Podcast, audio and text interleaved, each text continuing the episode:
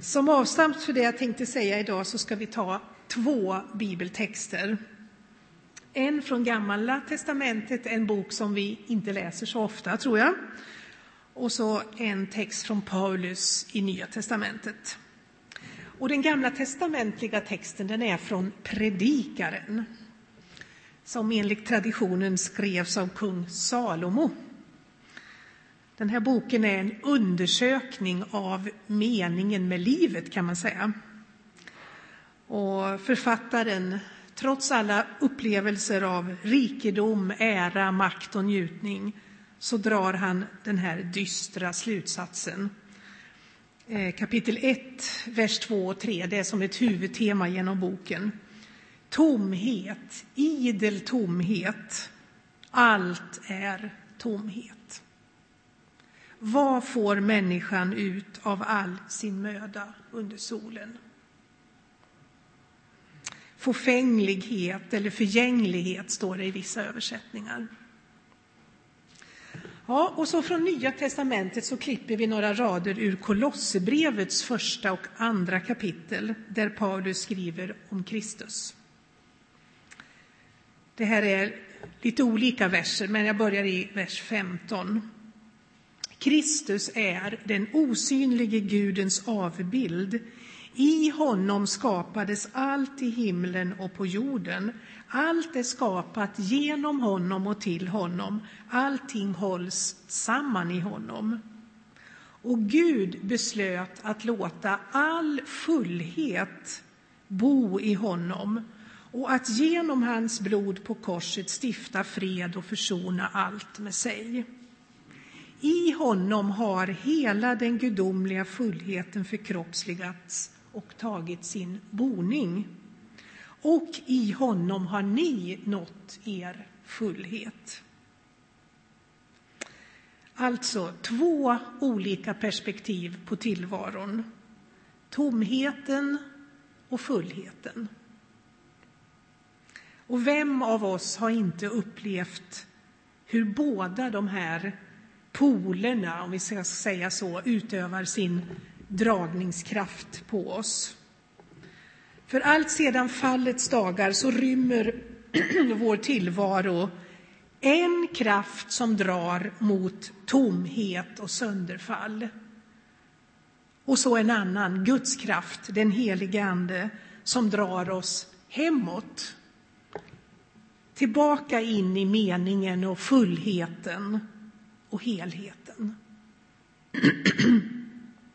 Och den här kampen, ska vi säga en kamp mellan liv och död, pågår på flera olika plan. Och i det spänningsfältet lever vi våra liv.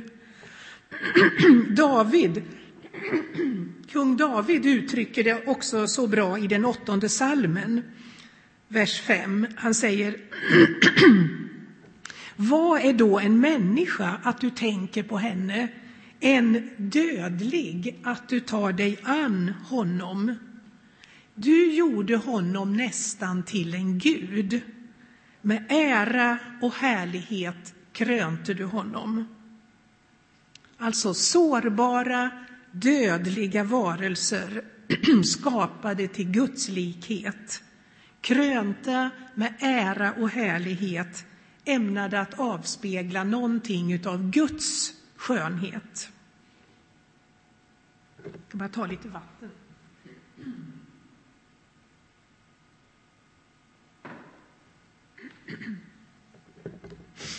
Den här spänningen avspeglas också i det hebreiska ordet för människa, Adam som också kan betyda så skilda saker som kung och jord. Av stoft och ande har jag en bok hemma som är skriven av Anna Sollumans farfar.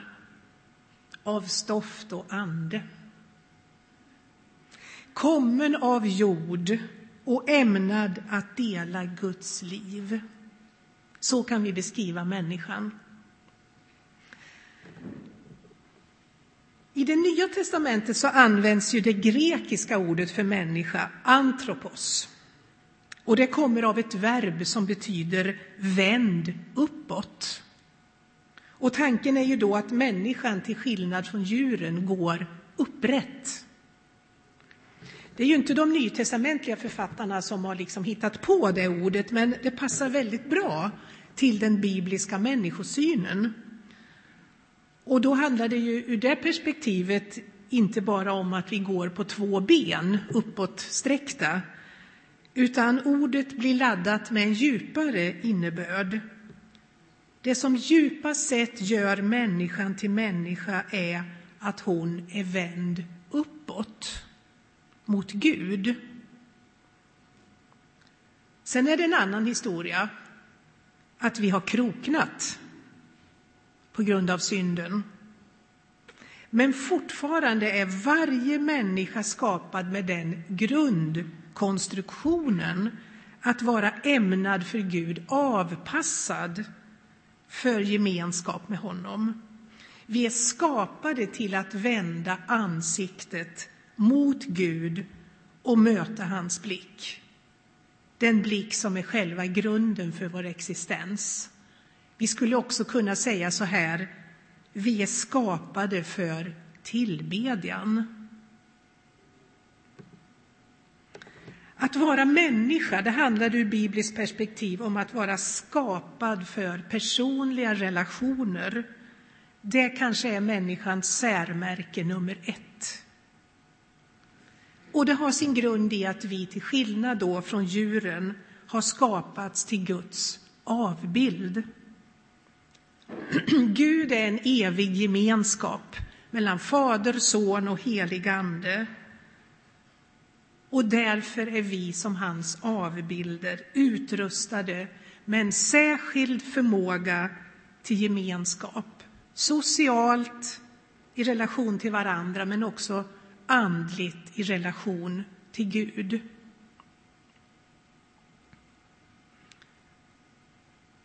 Därför bär vårt inre på en hunger som bara kan mättas av Gud.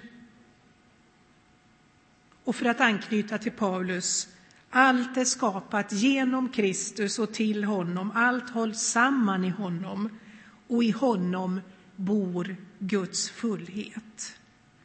Klart att allt blir tomt utan honom.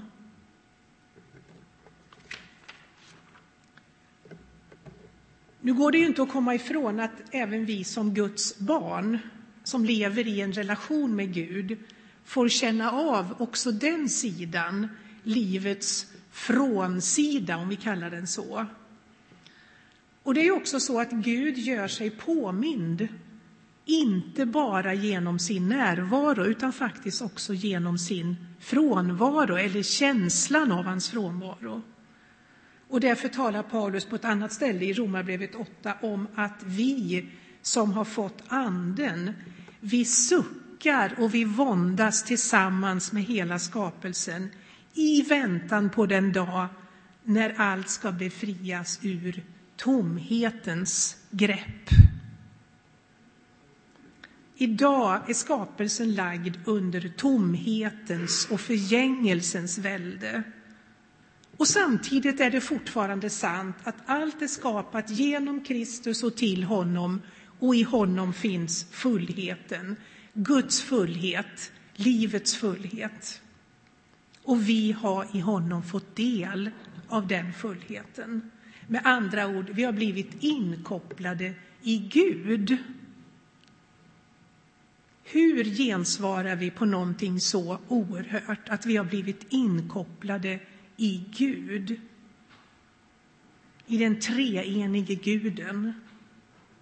Hur kopplar vi in den strömmen, den motkraften, Guds ande i våra liv? Ett svar är det som ryms i ordet tillbedjan. Tillbedjan är ingenting mindre än den innersta nerven i vår gemenskap med Gud. Att tillbe är att vända ansiktet till Gud och söka hans blick Det är en kanal för Guds ande. Och de vanliga orden för tillbedjan i både Nya och Gamla testamentet de har samtidigt en betydelse av att böja sig ner. Att kasta sig ner till marken. Och det kan ju tyckas motsägelsefullt med tanke på det vi nyss sa om människan som skapar till att stå upprätt och vänd uppåt. Men det är ju så att i paradoxerna så finns oftast de största skatterna och så är det också här. Den här paradoxen rymmer en underbar hemlighet som pekar på vad det är att vara människa, skapad till gemenskap med den Högste. Tillbedjan handlar alltså om att böja sig för Gud och att just därför, i den böjningen, rätas ut. I Guds blick blir vi upprättade, upprätade. När Gud får vara Gud så blir människan inte förminskad, utan vi får plats och utrymme att verkligen vara människor, antropos. Vi tvingas inte längre in i en roll som är antingen för liten och meningslös eller för stor och omöjlig. Utan vi får vara människor när Gud är Gud och vi får då del av fullheten. Vi blir inte förminskade utan vi blir fyllda och får komma till vår rätt i Gud, bli det vi är ämnade till. Det är i varje fall så att vi har startat den resan. Vad vi ska bli, säger Johannes, det vet vi inte än, för det är mycket större. Men vi har startat. Att vara människa, det är att vara skapad och önskad av kärlekens Gud. Det är att vara utrustad med en kapacitet till gemenskap med den Gud som själv är gemenskap, Fader, Son och helig Ande. Att dela den gemenskapen är vår djupaste kallelse som Guds avbilder. Men som vi sa, bilden har kroknat på grund av synden och därför behöver vi försoning. Först och främst med Gud själv. Och därför skriver ju Paulus att Gud beslöt att låta all fullhet bo i Kristus och att genom hans blod på korset stifta fred och försona allt med sig. Och genom försoningen så sker det som Paulus säger, att i honom har ni nått er fullhet. Det finns en kraft som övervinner tomhetens välde och som drar oss in i Guds verklighet, och det är korsets kraft. Och i tro får vi gripa den där räddande handen som drar oss ur tomheten, uppåt, inåt och hemåt. Om det är sant att tillvarons innersta inte är ett stort gapande tomrum utan ett hem, ett rum för gemenskap där jag får möta ett ansikte, ett du, då blir det meningsfullt med tillbedjan. Att tillbe Gud är då min kärleksförklaring till den Gud som kallar mig, som lyfter mig och leder mig från tomhet till fullhet. Inte som ett enda steg som för all framtid sopar undan all förgängelse och all tomhet och upplevelse av tomhet, men som en rörelse, en riktning från mig själv till Gud, där jag kan hitta mig själv i djupaste mening. Tillbedjan i biblisk mening, det är alltså vår djupaste kallelse som människor. Det är det sannaste uttrycket för vad det är att vara människa. Att tillbe, det är att böja sig ner för honom som är större än jag. Det är att i kärlek överlämna sig till honom. Det ligger ju i själva ordet att kasta sig ner. Det är ett uttryck för att jag ger upp äganderätten till mitt eget liv. Det är ett kroppsspråk, ett inre attityd som säger jag är din Gud. Och det handlar inte om tvång, utan om hjärtats djupaste vilja. Tillbedjan handlar om närhet. Att komma Gud så nära så att vi känner av och känner in, smakar Guds godhet, smakar hans kärlek och barmhärtighet, smakar hans helighet och härlighet.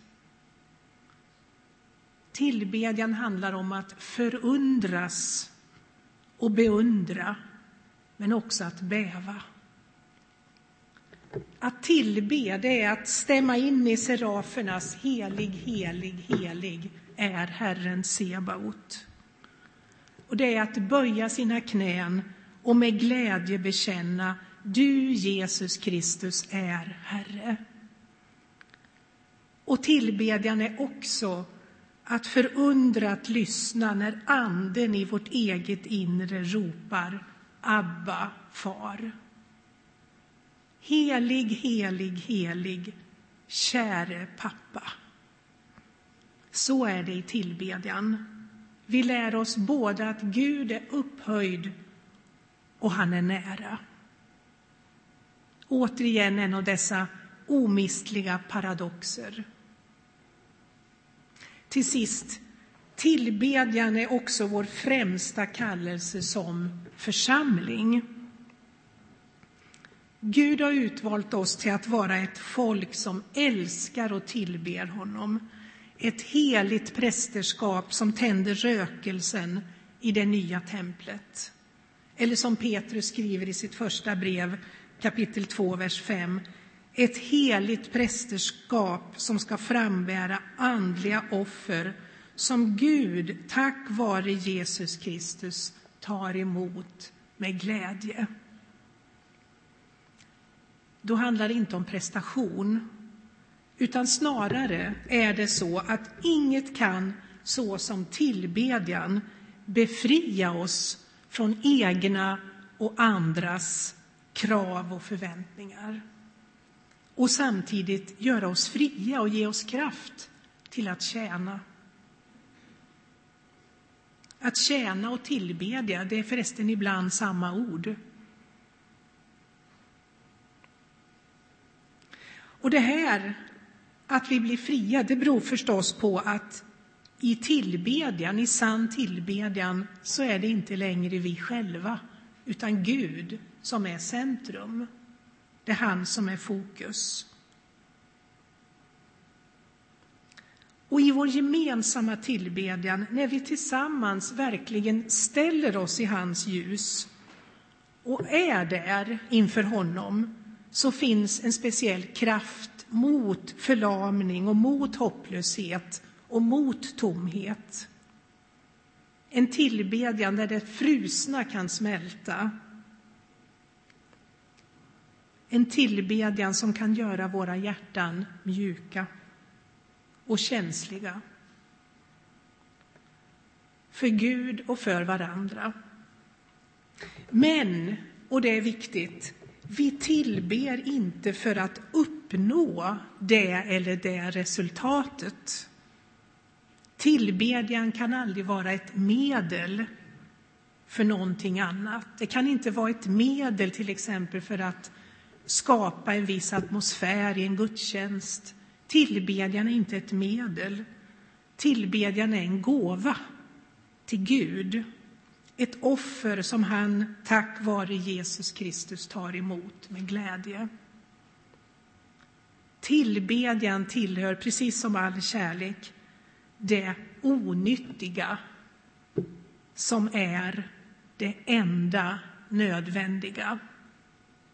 Låt oss ta en stund i stillhet.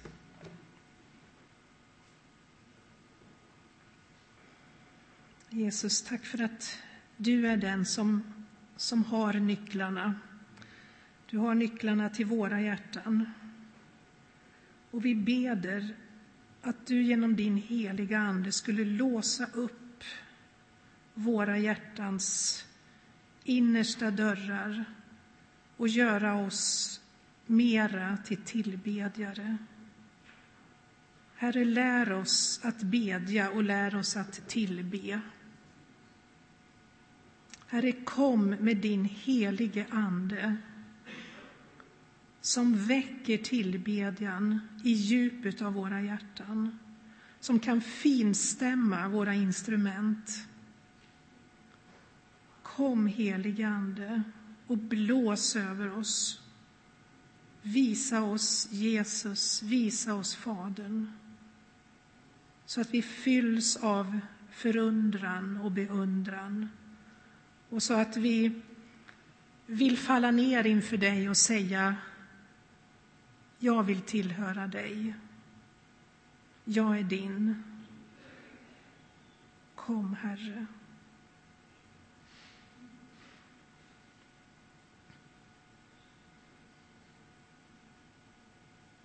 Kan vi stå upp och bara a cappella sjunga Helig, helig, helig är Herren Sebaot och ge vår tillbedjan, vår kärlek till Herren i den sången. Någon annan får ta upp sången. Anders